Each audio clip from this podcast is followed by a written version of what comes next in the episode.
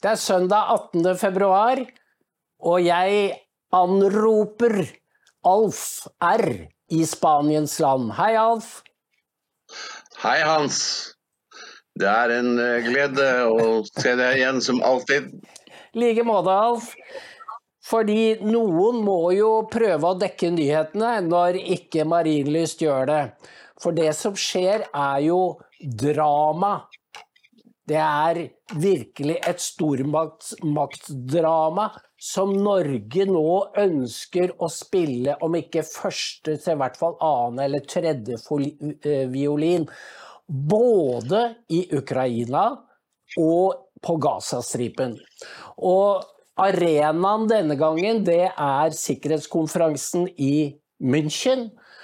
Og vi ser på ansiktet til Zelenskyj at at det har skjedd noe. Han så ikke sånn ut for noen måneder siden. Eh, det første signalet, Alf, det var vel på Nato-toppmøtet i Vilnius i juli i fjor. Fordi da ville de ha snøret i bånn og lovnad om Nato-medlemskap, men fikk det ikke. Og nå de, ser de skriften på veggen, og Avdiv, Avdivka har falt. De har fått mange fanger. De har forskanset seg på et kullkraftverk. Ehm, det er mange dårlige nyheter som har vært underveis en god stund, og de mangler soldater. Så har vi møte med Macron, mellom Macron og Zelenskyj og se på det blikket til Zelenskyj. Det er fullt av mistro, fordi han forstår at nye, disse nye sikkerhetsavtalene som de tilbyr Ukraina, Norge og Frankrike, er i virkeligheten det som er to sell them down the drain, som det heter på amerikansk. Altså og egentlig forråde dem, men forkle det som noe annet. Hva tror du, Alf? Jeg eh, eh, du hva, Hans? Husker du den, eh, den sketsjen som eh, Rolf Wesenlund lagde som tannlege og Harald Hedesen jr. som pasient? Hvor, de, hvor tannlegen Gimmicken var at tannlegen ved hjelp av boret forsøkte å få pasienten til å godta en annen virkelighet enn den som, som var utenfor kontoret. Og, jeg får litt av den følelsen når jeg leser hva Barten, altså Barth Eide, uh, og Gram og andre av størrelsene i regjeringene sier så får jeg følelsen av at de er det som på engelsk kalles for delusional, som ikke har noen Vi har ikke noe godt norsk dekkende uttrykk for det. Mm. Det betyr jo forblindet eller forstokka, mm. mens man i gamle dager sa synkverving. Ja. Fordi eh, alt det de snakker om, Hans, oppfatter jeg som et forsøk på å redde sitt eget skinn. Ja. Og det er eh, i min verden totalt amoralsk. De står de led, eh, Ukraina led et, et, et, et grufullt militært nederlag i, i, går og i natt. Og har tapt nye titusener som er drept og lemlesta for livet. Og restene har rømt i høy grad fra slagfeltet og etterlatt sine sårede kamerater for å, å la russerne forsøke å redde de livene som måtte stå til å redde. Um, og, og, og, vi, er, vi, er, dypt medansvarlige. Dette kan vi aldri vri oss unna. Vi har hatt generalsekretæren som også rapporterer til regjeringen siden 2014, altså i ni år. Og vi har vært selvfølgelig da dypt involvert i planlegging. Og vi har vært dypt involvert i å levere eh, både først og fremst penger. Vi er, vi er den fjerde største bidragsyter til krigen uh, etter eh, USA, EU og, og, England. Så er lille Norge den fjerde største bidragsyter. Vi har levert våpen, det er det lille vi har. Og vi har selvfølgelig levert en enorm mengde av det kanskje viktigste, som er etterretningsdata. Vi har satellittstasjoner, vi har lyttestasjoner og vi har folk. Og vi har ganske sikkert, iallfall jeg er blitt fortalt, eh, også, også, også eh, frivillige som, som, fysisk slåss uh, fordekt i, på slagfeltet. Jeg, jeg, jeg, gjenkjenner ikke, når de snakker om sikkerhetsgarantier, så gjenkjenner jeg ikke og forstår ikke eh, Kan ikke forstå tankegangen. Fordi eh, man må forestille seg eh, eh, hva utfallet av denne krigen blir. De snakker om forhandlinger. Men det er helt klart at etter at Russland eh, er blitt sveket i en rekke forhandlinger, siden, i hvert fall siden Minsk-avtalene, Eh, og kanskje og helt tilbake til Gorbatsjov aksepterte å trekke soldatene ut av Øst-Russland, eh, så har altså Vesten eh, sveket og trukket seg fra, fra en, en, rekke avtaler som, som, kunne ha skapt fred. Og da er det selvfølgelig kan man jo tenke seg til hva som er akseptabelt for Russland. Vil de Eh, overhodet forhandle med en regjering som nå sitter i Kiev? Nei. Det er utenkelig. Og det er ingen tvil om, Hvis du ser på bildene av eh, den tidligere hærsjef Stalusny sammen med Hitler, så skjønner du at eh, det, disse påstandene om neonazisme ikke er, ikke er propaganda utsatt eh, av russerne. Men det er også en, en historisk realitet som har klare avleggere i, blant støttespillene til dagens regjering. Så det er klart at Kiev, regjeringen i Kiev må ut. Det er ingen, er ingen uh, som tror, som er oppegående noenlunde, at Putin uh, og hans folk overhodet vil forhandle med de som har drevet denne krigen. Så da er det et spørsmål om at til syvende og sist at situasjonen vil avgjøres av forholdene på slagfeltet.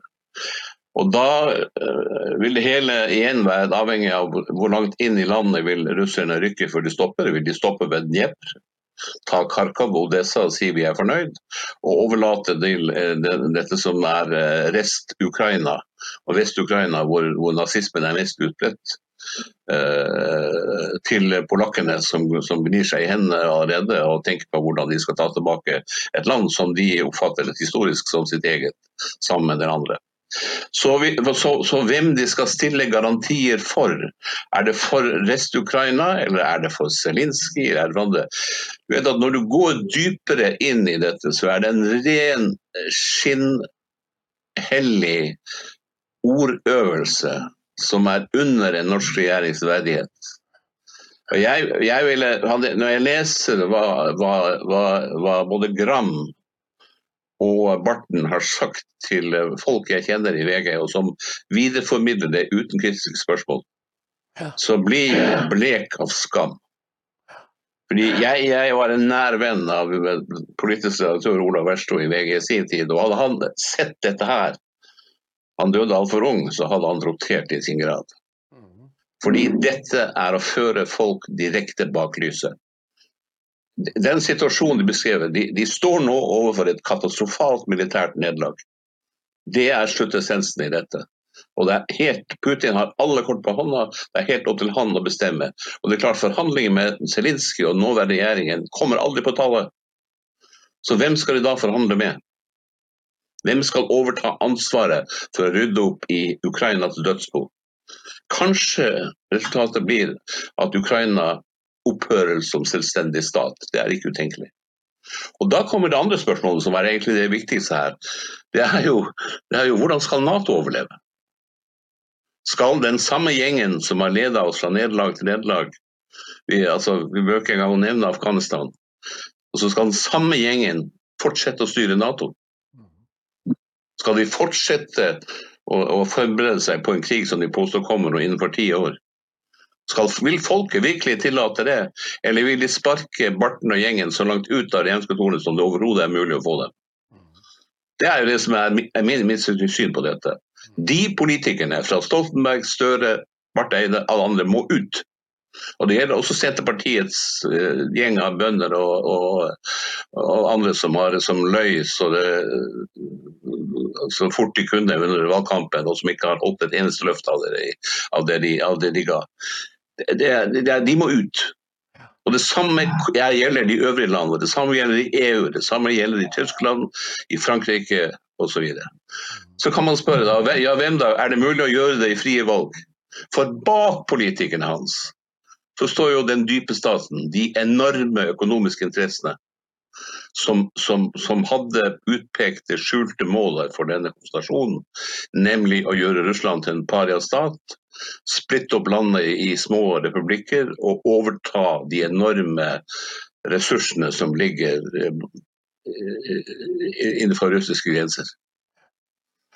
Det er det. Det, det, spørsmålet er ikke om sikkerhetsgarantier. for Han prater om et Ukraina som sannsynligvis ikke vil eksistere eh, om, om, om, den dagen den russiske eh, offensiven er over.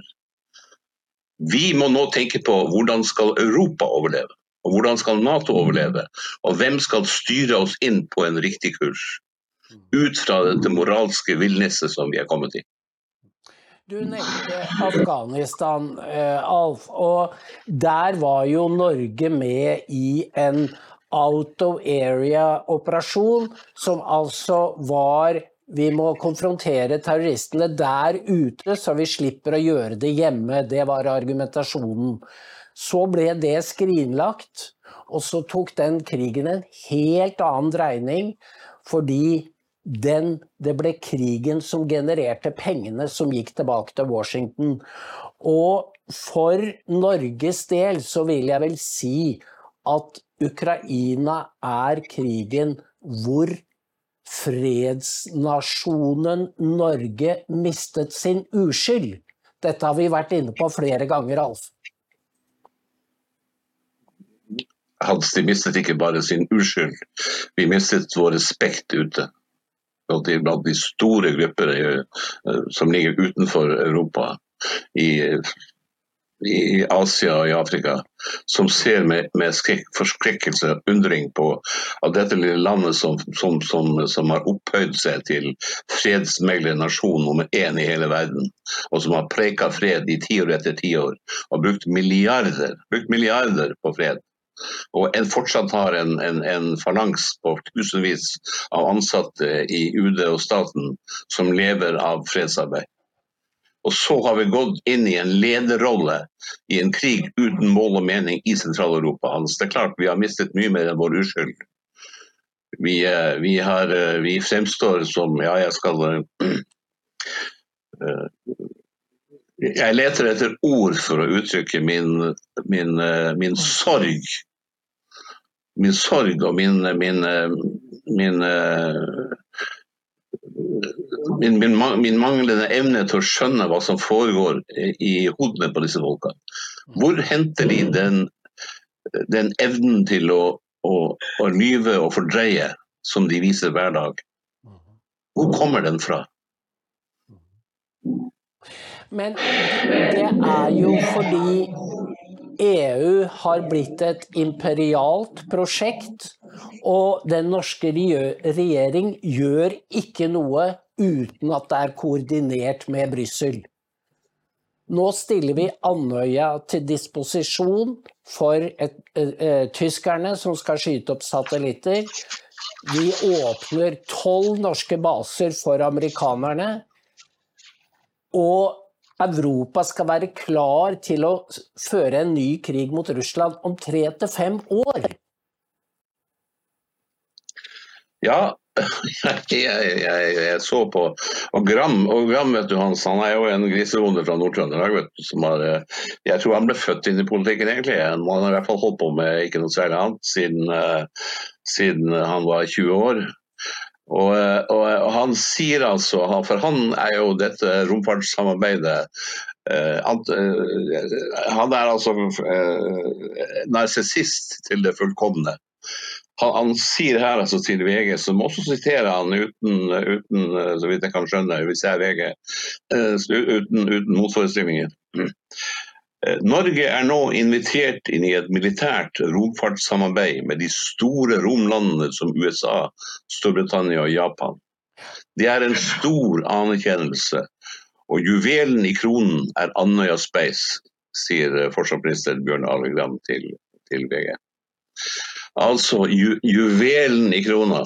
For det første så er altså faktum at vi har vært i et militært romsamarbeid med, med USA eh, og dette såkalte Five Eyes innen signaletterretning. Vi eh, vi har den gamle romstasjonen eh, på Vetan utenfor Fauske som er meget sentral. Ikke ikke i, i, å overvåke verdensrommet, men å ta ned signalene fra uh, andre satellitter, først og fremst russiske satellitter. Fordi uh, uh, Moskva, Moskva, altså Mottaksstasjonen i Moskva ligger, vi ligger innenfor fotavtrykket til, til droppsonen i Moskva og får de samme signalene og kan gi dem, og gi dem direkte uavkorta til USA. Og For det andre så har vi jo bygd opp en kjempesvær satellittstasjon på Eggemoen så vi er dypt involvert i en, i en, i en romfart, i en militarisering av, av, av verdensrommet. Poeng, et poeng her som går hus forbi, er jo at russerne, eh, samtidig som de har utviklet en ny eh, Mens amerikanerne sov, så har vi, og vi sov, så har de jo utvikla en ny generasjon våpen. Og Hvis jeg har skjønt det siste jeg har lest, så har de også utviklet en ny generasjon med, med spionsatellitter som også har evnen til å følge etter eh, amerikanske og andre lands satellitter. Uh, og, og, fotografere de og, og, og, følge de i det øyeblikk de tar bilder eller, eller tar signaler fra jordens overflate. Og de er selvfølgelig da også i posisjon til å ødelegge disse satellittene. Så Det er jo derfor de setter i gang dette her, fordi de ser for seg at, at eh, verdensrommet i neste konflikt blir en, en, en, et sentralt nytt slagfelt. Som selvfølgelig vil gjøre alles situasjon mer usikker og mer utrygt enn noensinne. Så vi går altså den motsatte vei av vår historiske og vi kaller det for selvoppfatning, eller misjon. Nemlig det å, å være den store fredsbyggeren. Da hadde vi snudd ryggen til dette og brukt pengene til, til fredeligere utforskning av, av, av, rommet i den grad det er nødvendig. Hans, vi er, Norge er på feil kurs, Hans. Og vet du hva jeg tror? Jeg blir mer og mer sikker på disse karene som snakker, så når jeg leser og prøver å forstå hva de, hva de tenker, så, så, så er altså sekulariseringen av Norge Det profane Norge har nå overtatt. Ja, ja. Hvis, du, hvis, du, skjærer over båndene til de åndelige verdiene, ja. så havner du et sted hvor navigasjonen blir utrolig vanskelig.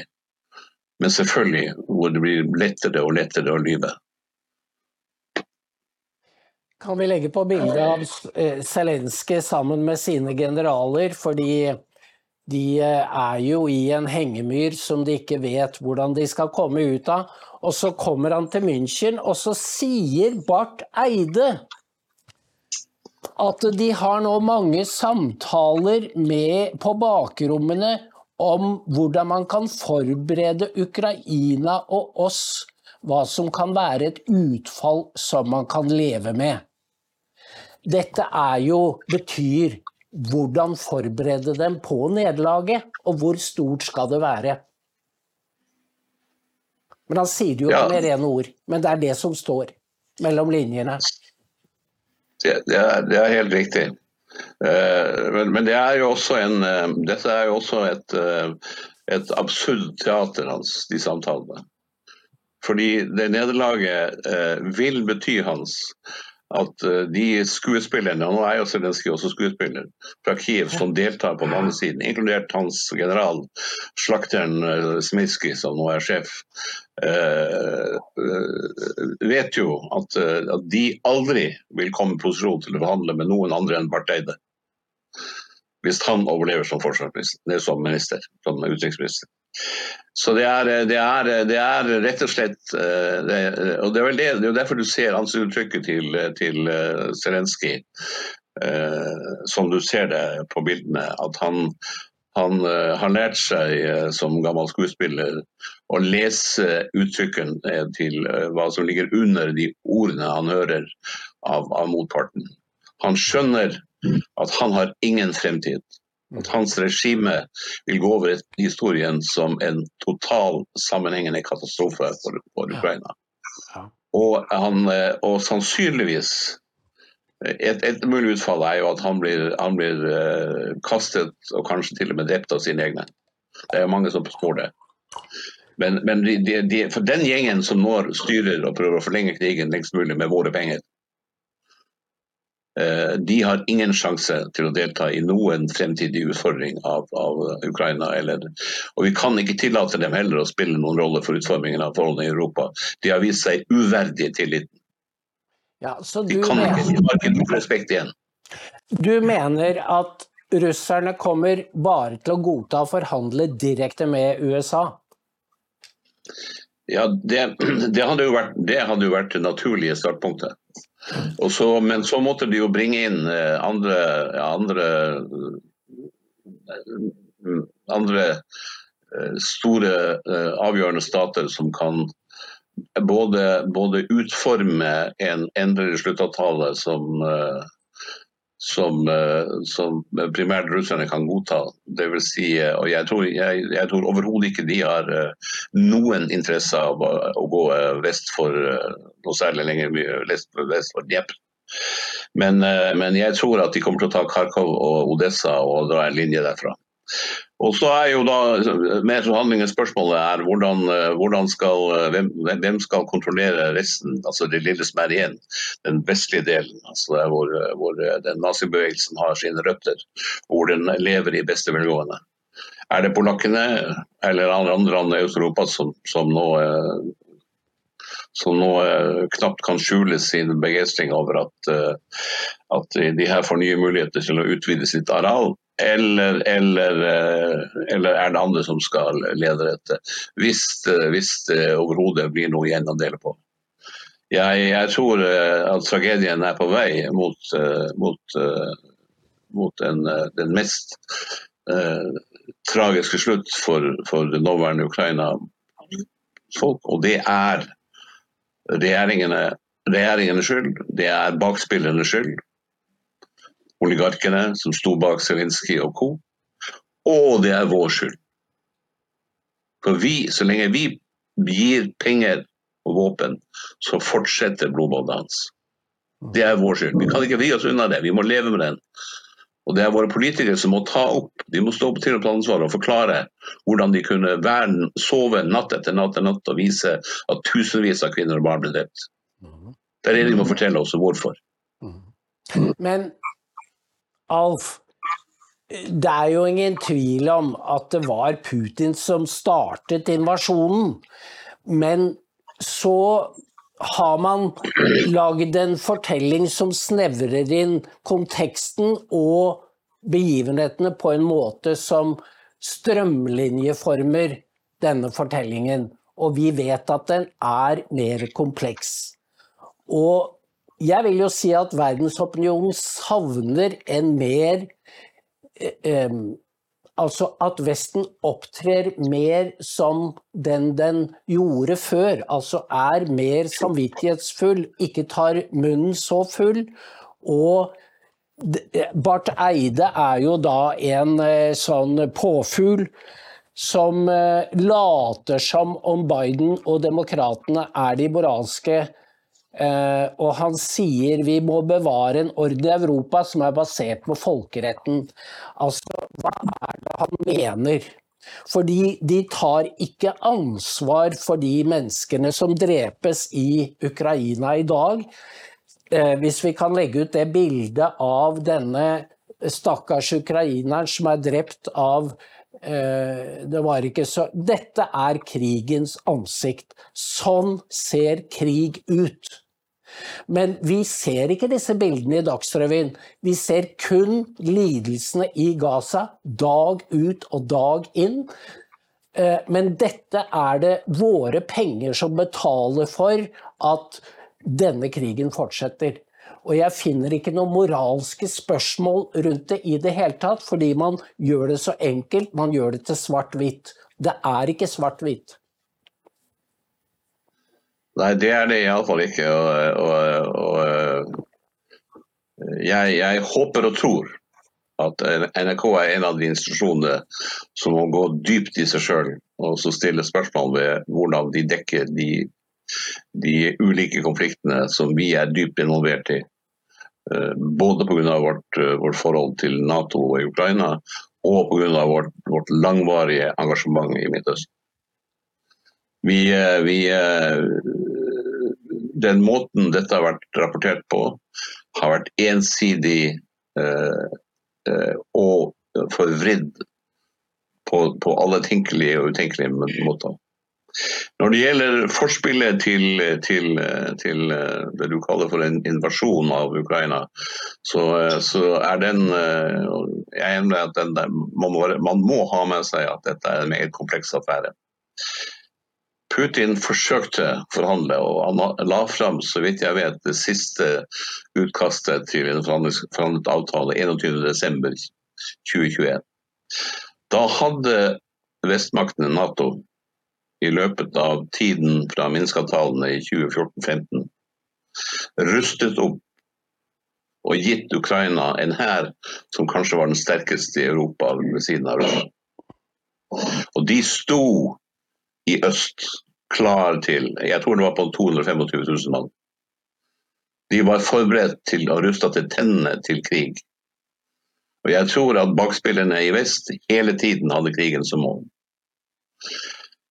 Da Putin så dette, så var han i realiteten pressa inn i et hjørne. Hvis han ikke på en eller annen måte tvang disse karene til en reell forhandling, så ville det ende med fryktinngytende blodbad i Donbas.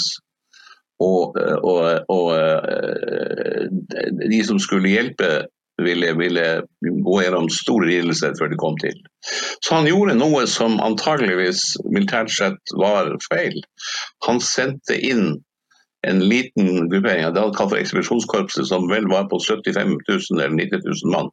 Som selvfølgelig var altfor lite til å kunne uh, Eh, gjøre noe som helst med den eh, hæren som, som, eh, Nato hadde finansiert og reist i løpet av de sju foregående åra.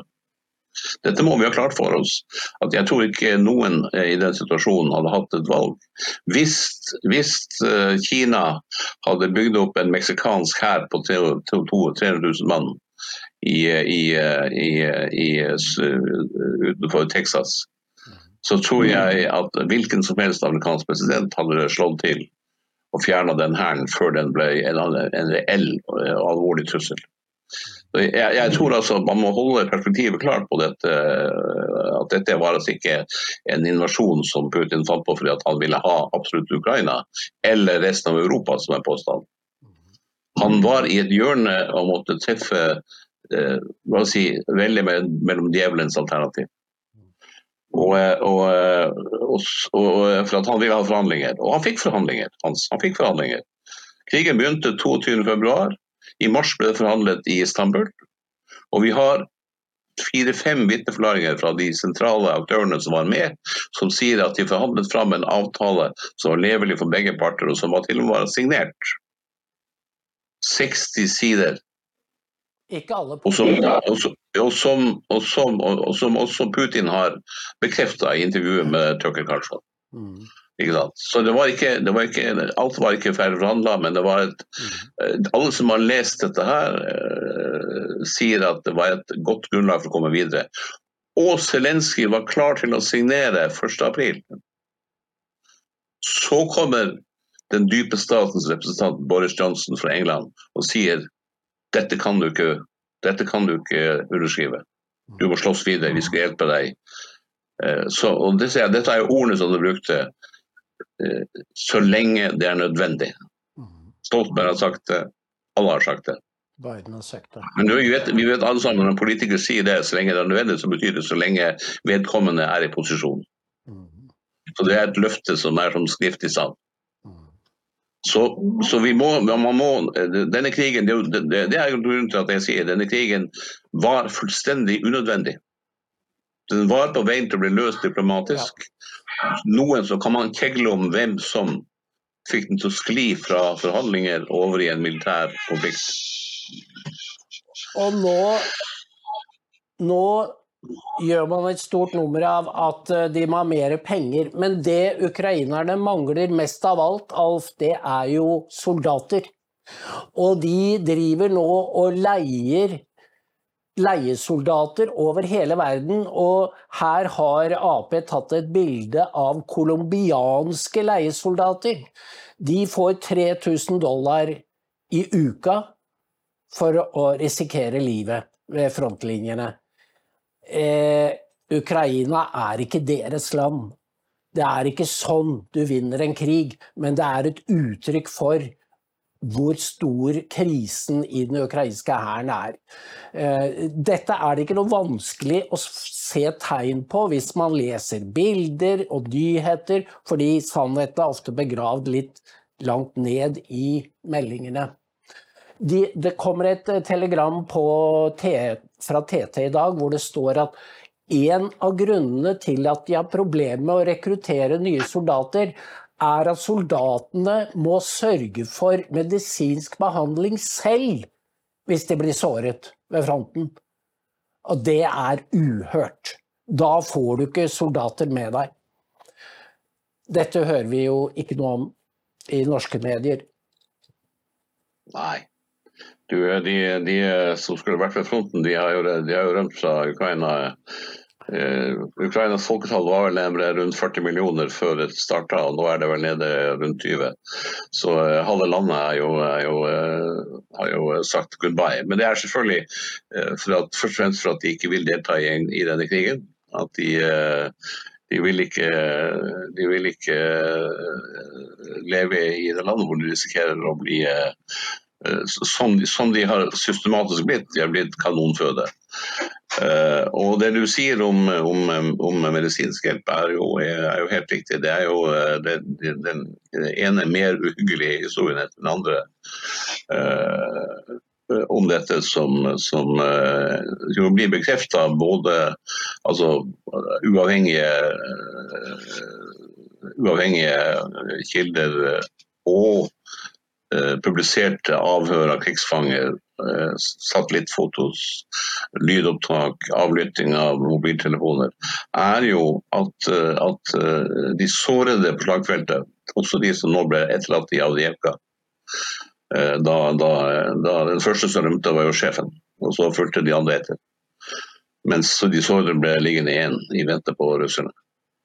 Eh, og, Det er jo en lang rekke historier om hvordan de, de medisinske hjelperne som nådde slagfelt og jobbet der, hans, eh, de tok med seg de som kunne betale mest.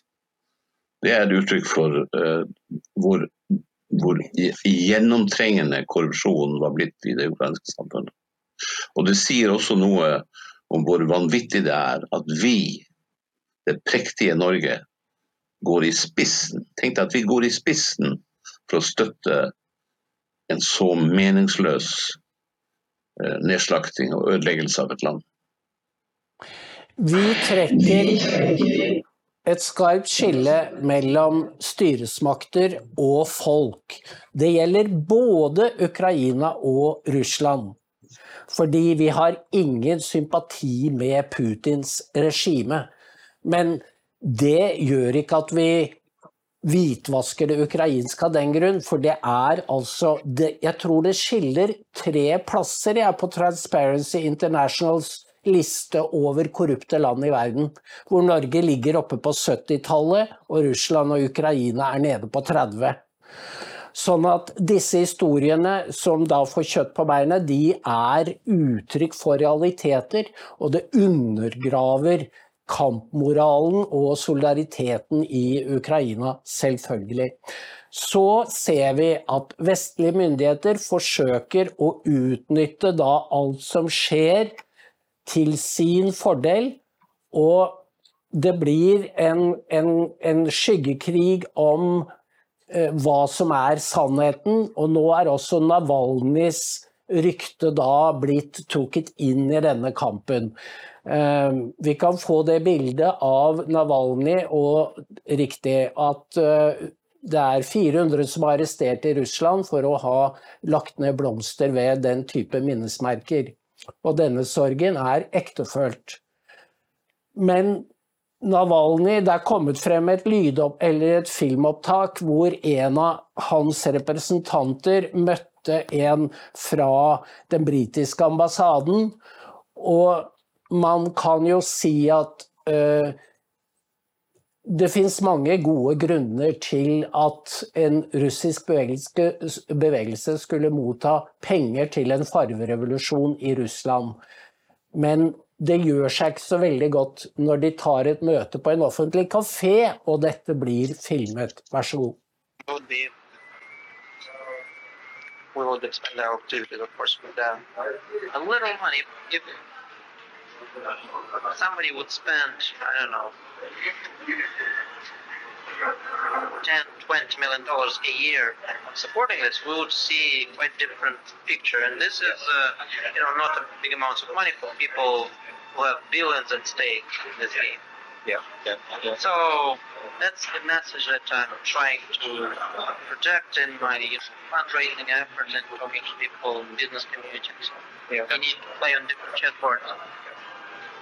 With protests, civil initiatives, um, propaganda, establishing contacts with the elite and explaining to them that we are reasonable people and not uh, you know, going to demolish everything and take away their assets. Yeah. Like so, we'll see what comes out of that. So this broadly describes what I do. Okay. Um, well, yeah, I mean, uh, not not a small uh, not a small job.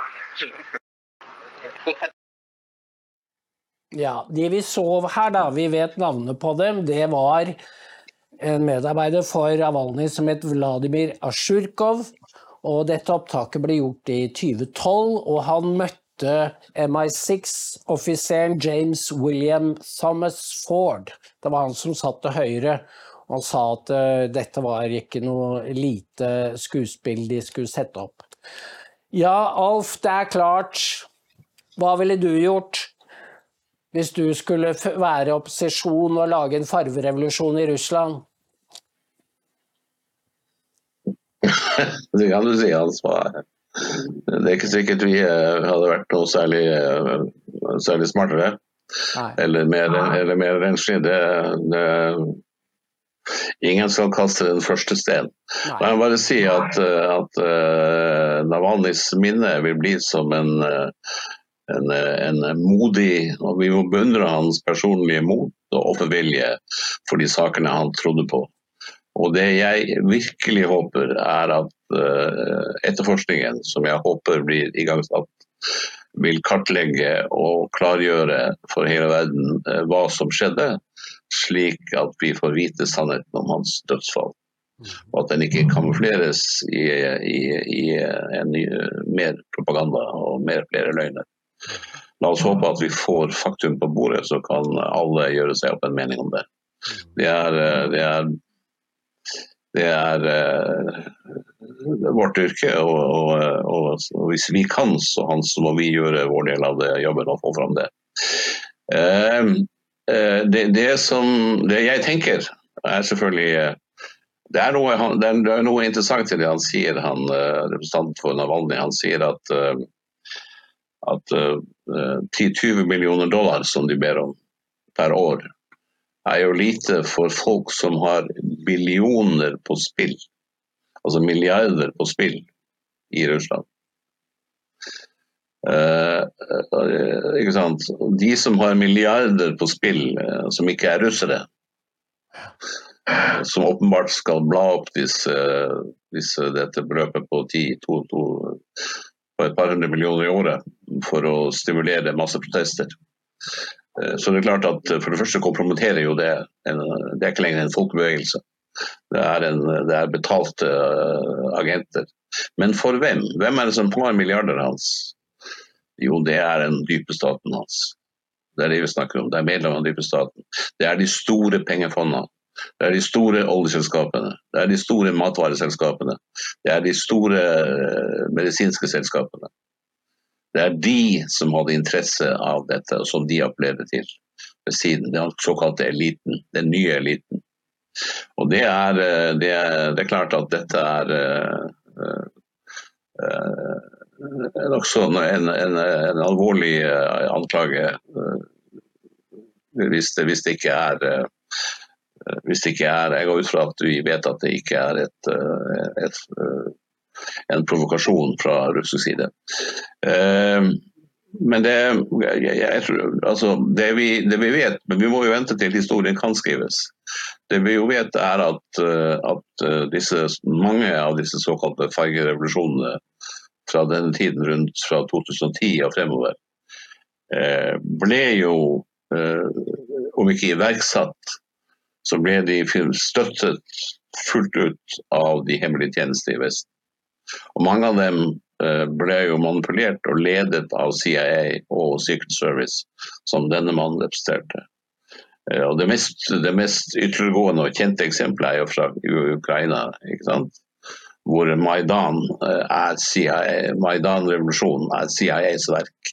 Og det ble sagt at de har brukt, brukte 50 millioner dollar på å holde den gående lenge nok til at de fikk styrtet landets lovlig valgte regjering, og at den nåværende Bidens nåværende sikkerhetspolitiske en av de sentrale sikkerhetspolitiske rådgiverne hans, eh, Victoria Newland, som også er, eh, er en, av, eh, en, av, de fundamentale i den såkalte neokonbevegelsen, altså i, den, i krigspartiet, sto bak. Og som gjorde at Ukraina eh, kom inn i denne fatale utviklingen som nå leder, som nå leder at gjør at de står foran et i en desperat situasjon. Uh, og du ser fotavtrykkene av de hemmelige tjenestene i alle steder av disse. Og, og jeg, jeg, tror det er en god leveregel at hvis du, hvis du leser om om folkelige opprør i, i, i land, autoritære land, som enten har en autoritær historie eller et autoritært regime, så, så, kan du være helt sikker på at du vil se en dag fotsporene av, av CIA og deres folk i utkanten på et eller annet tidspunkt. Og, og, og, og vi, må jo, vi, må jo, passe oss her. Vi, eh, eh, jeg, jeg, jeg, tror, sånn, i min verden var det slik, at eh, CIA iverksatte, eller krigspartiet iverksatte en global offensiv rettet mot, mot sentrale og, og, og urolige deler av verden som de ønsket kontroll over. Og eventuelt permanent krig som er en del av de, det som skaper det store millionoverskuddet i den dype staten som de kan bruke. Og, og, og det, det, det, ser du bl.a.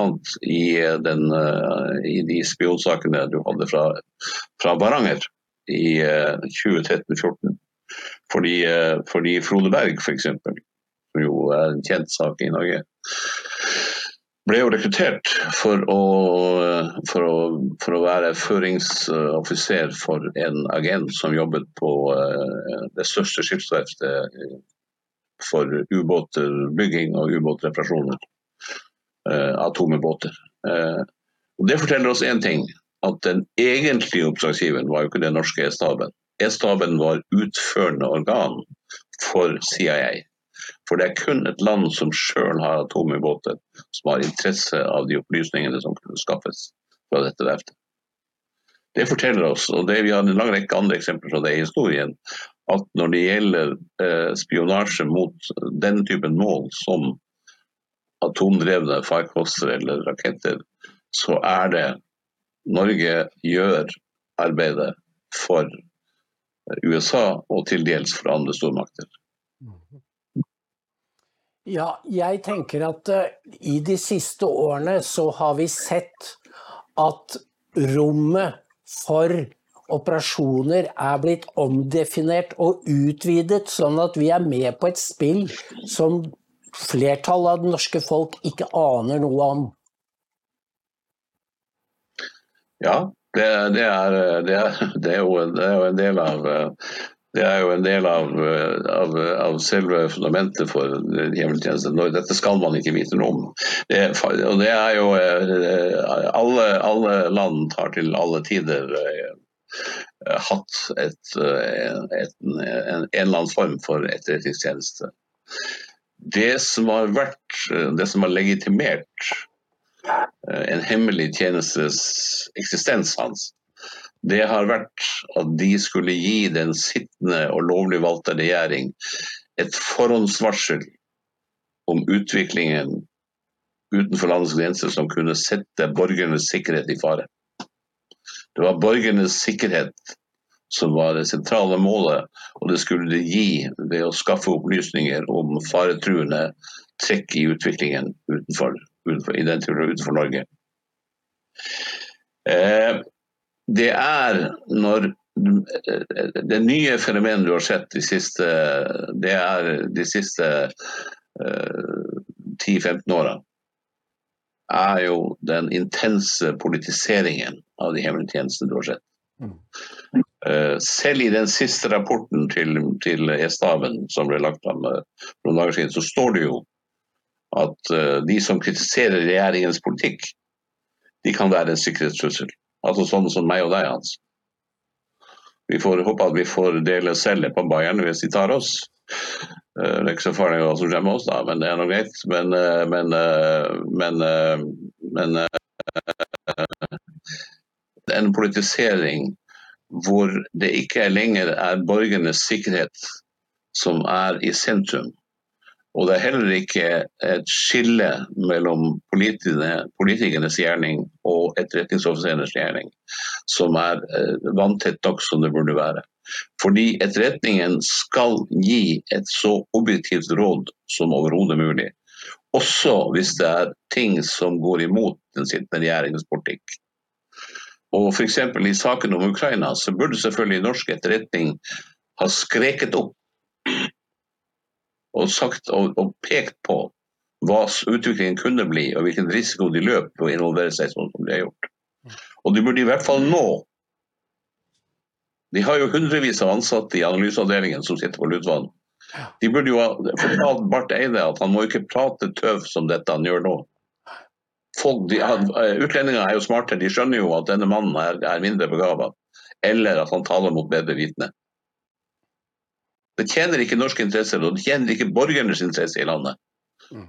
Det er jo vi, det er jo, det er jo borgernes sikkerhet som settes på spill når etterretningslinjen løper regjeringens ærend istedenfor å være de som korrigerer. Korrigerer regjeringen.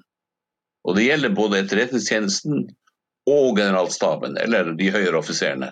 Hvor mange militære hans er det som har løftet stemmen i protest? Nei, de tør ikke fordi de er redd for å miste jobben. Mm. Hvor, men hvordan skal de overleve i en krig hvis de er så moralsk kompromittert allerede? Hans, det her står vi foran det som vi snakket om, Hans.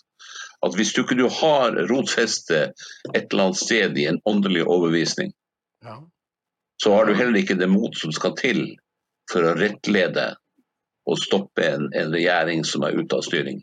Og, som, og, som, og, du gir altså falske og feilaktige råd. Du jatter med for å få penger, gaver, høyere lønn, høyere stillinger. Det kalles på, på, på, med et pent ord for korrupsjon. Og den er kommet til Norge også. Du, øh, men disse kreftene som jo har omdefinert vestlige demokratier, og det, har, det er USA som har vært laboratoriet, de løper jo nå inn i store problemer. Fordi de har utnevnt en president, jeg sier med vilje ordet utnevnt, som begynner å bli helt hjernedød. Og det kan man se fordi han får sånn brain freezes live på TV.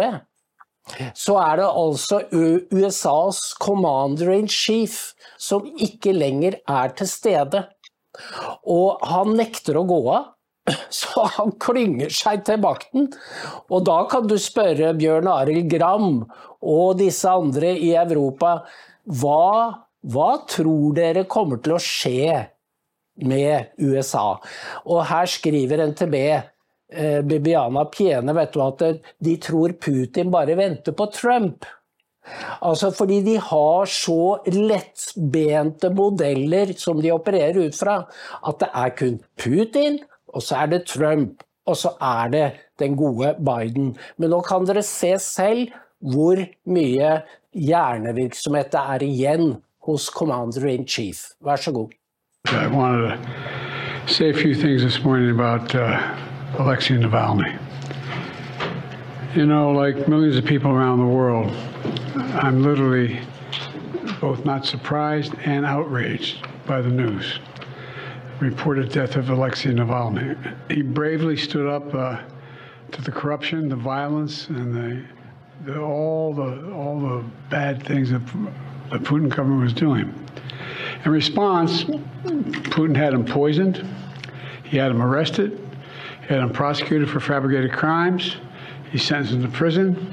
He was held in isolation. Even all that didn't stop him from calling out Putin's lies.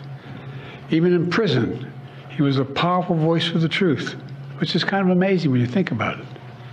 And he could have lived safely in exile after the assassination attempt on him in 2020, which nearly killed him, I might add. And but he uh, he was traveling outside the country at the time. Instead, he returned to Russia.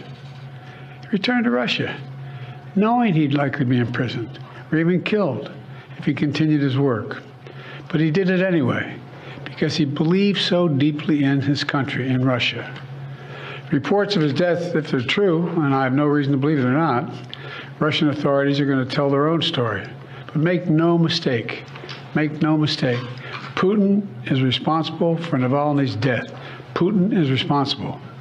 What has happened to Navalny is yet more proof of Putin's brutality. No one should be fooled, not in Russia, not at home, not anywhere in the world. Putin does not only target his citizens of other countries, as we've seen what's going on in Ukraine right now, he also inflicts terrible crimes on his own people. And as people across Russia and around the world are mourning Navalny today because he was so many things that Putin was not. He was brave, he was principled, he was dedicated to building a Russia where the rule of law existed and where it applied to everybody. Navalny believed in that Russia, that Russia. He knew it was a cause worth fighting for, and obviously even dying for. This tragedy reminds us of the stakes of this moment. We have to provide the funding so Ukraine can keep defending itself against Putin's vicious onslaughts and war crimes. You know, there was a bipartisan Senate vote that passed overwhelmingly in the United States Senate to fund Ukraine. Now, as I've said before, and I mean this in a literal sense, history is watching. History is watching the House of Representatives. The failure to support Ukraine at this critical moment will never be forgotten. It's going to go down in the pages of history. It really is. It's consequential. And the clock is ticking. And this has to happen. We have to help now. You know, we have to realize what we're dealing with with Putin. All of us should reject the dangerous statements made by the previous president that invited Russia to invade our NATO allies if they weren't paying up. He said if an ally did not pay their dues, he'd encourage Russia to, quote, do whatever the hell they want.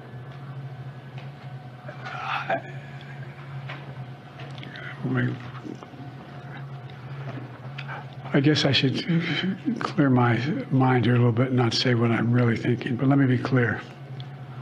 This is an outrageous thing for a president to say. I can't fathom. I can't fathom. From Truman on, they're rolling over in their graves hearing this. As long as I'm president, America stands by our sacred commitment to our NATO allies, as they have stood by their commitments to us repeatedly. Putin and the whole world should know if any adversary were to attack us, our NATO allies would back us.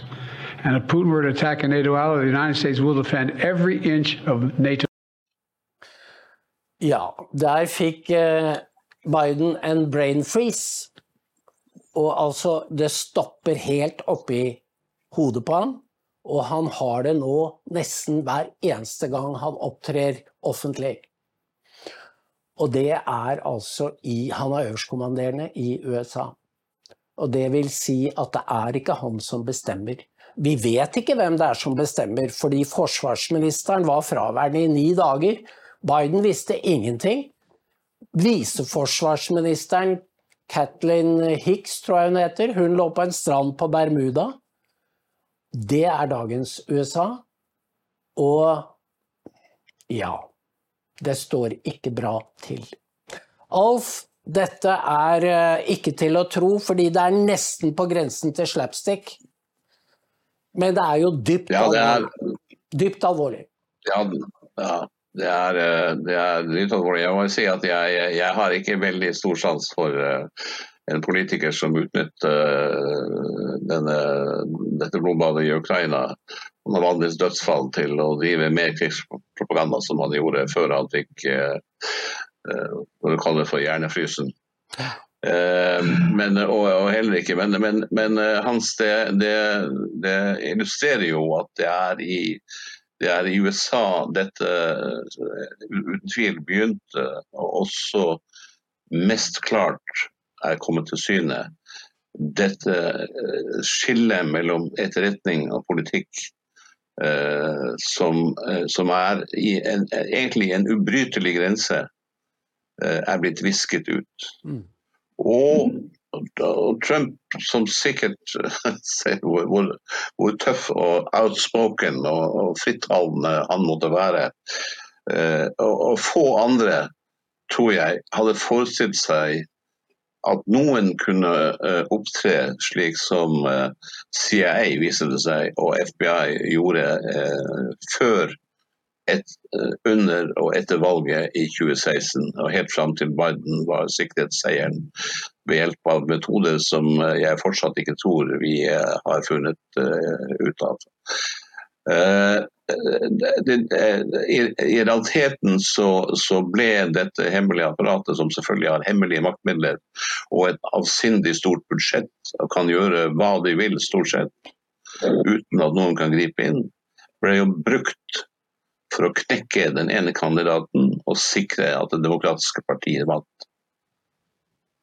Det er det som er realiteten hans. De, de forfalsket eh, dokument om, om, om Trump med, med de villeste anklager, spredde det i pressen, og pressen og det er jo, dette er jo alvorlig for pressen tok dette og publiserte det, og det ble grunnlaget for en forfølgelse av den sittende presidenten i USA, som i og for seg ikke bare kom til å prege, men nesten ødela hans presidentperiode. Mm. Det er det der er mest tydelige eksempelet vi har på denne utviklingen hans, hvor, hvor eliten eller den dype staten faktisk kan bruke disse disse skjulte redskapene en stat uh, rettmessig kan skaffe seg, men i en indrepolitisk kamp. Det er trekk som tidligere kun fant i de totalitære samfunn. Mm. Og det er klart at, at, at med dette så skritt for skritt skyves vi mot det totalitære. Om ikke direkte uh, et, et, et, et, et totalitært regime, så et regime som for, på avgjørende punkt låner eh, avgjørende knep og trekk fra de totalitære. Ja. Og det vil til slutt ende i politistaten hans. Og det vil, de vil også, du ser jo også i tillegg, når man kobler det til det, er jo, så mange ting å ta av. Alt fra, alt fra uh, fritt kjønnsskifte når du er tre år, til, til, uh, til uh, defund police og til det grønne skiftet. Det fører jo i realiteten til ikke bare til at folks frihet innskrenkes og, og rettssikkerhet, men også til at velstanden forvitrer. Og så snakker da disse snillefiskene i norske regjeringen om at de nå skal begynne å bygge opp et nytt forsvar. Da Så kan man jo spørre seg, dette er rest-Nato som blir igjen nå, hvor verken Storbritannia, Frankrike, Tyskland, som er på, på kanten av stupet. Hvor, hvor, skal de komme fra? eh, disse våpnene og den industrien hvis vi nedlegger industrien som skal bygge våpen. Eh, La ta en ting som, som eh, Det er to ting du trenger i krigføring, i moderne mekanisert krigføring. Det ene er stålene. Stål og legeringsmetaller. Det andre er petroleum, som driver stridsvogner og fly. Hvis du fordømmer det og nedlegger den industrien, eller flytter den til andre deler av verden, for at, for at vi skal vise at vi er utslippsfrie og pene, hvor, hvordan skal du forsvare deg? Altså? Hvordan skal du bygge dette forsvaret de snakker om? Du skjønner altså at dette er, dette er, dette er en nøye konstruerte, løgnaktige eventyr som selges til befolkningen for at de skal beholde kontrollen og egentlig gjennomføre en revolusjon ovenfra. Som vil gjøre livet mye verre for alle andre enn den eliten som ble nevnt i det skjulte opptaket eh, av den britiske agenten. Disse som egentlig har milliardene på spill. Og Det er der vi står i dag, Hans. Vi, vi ser konturene eh, av en, av, en, av, en, eh, av en politistat som er mer effektiv enn noen av science fiction-forfatterne kunne forestille seg. Og det er vår jobb å stoppe den. Det, det eneste som kan stoppe det, er at vi tror på det frie ordet hans. Du vet, eh, det heter at det er lett, og det har vi snakket om flere ganger, det er lett å starte en krig, men man aner ikke hvordan det skal avsluttes. Og denne krigen begynte vikt, et viktig kapittel i 2016, da Trump ble valgt, fordi de prøvde å forhindre det med alle midler. Og da han ble valgt, så prøvde de å delegitimere hans presidentskap ved å si at han kunne takke Putin for seieren. Og hvorfor gjorde de det? Fordi at de kunne ikke la amerikanerne forstå at det var folket som hadde valgt Trump. For det var en utålelig tanke for de kreftene som har grepet makten i USA. Og derfor er, så kjørte de gjennom to riksrettssaker, og de hadde eh, bråket 6.1, og de har hatt mange rettssaker. Så ble det krigen i Ukraina. Og det er altså Det er veldig skummelt at krigen i Ukraina nå er blitt bærende for den fortellingen som sier at, Trump ikke må komme hjem. Og da slutter vi der, Alf, og så ses vi. Takk for at du stilte opp. Takk for at jeg fikk være med.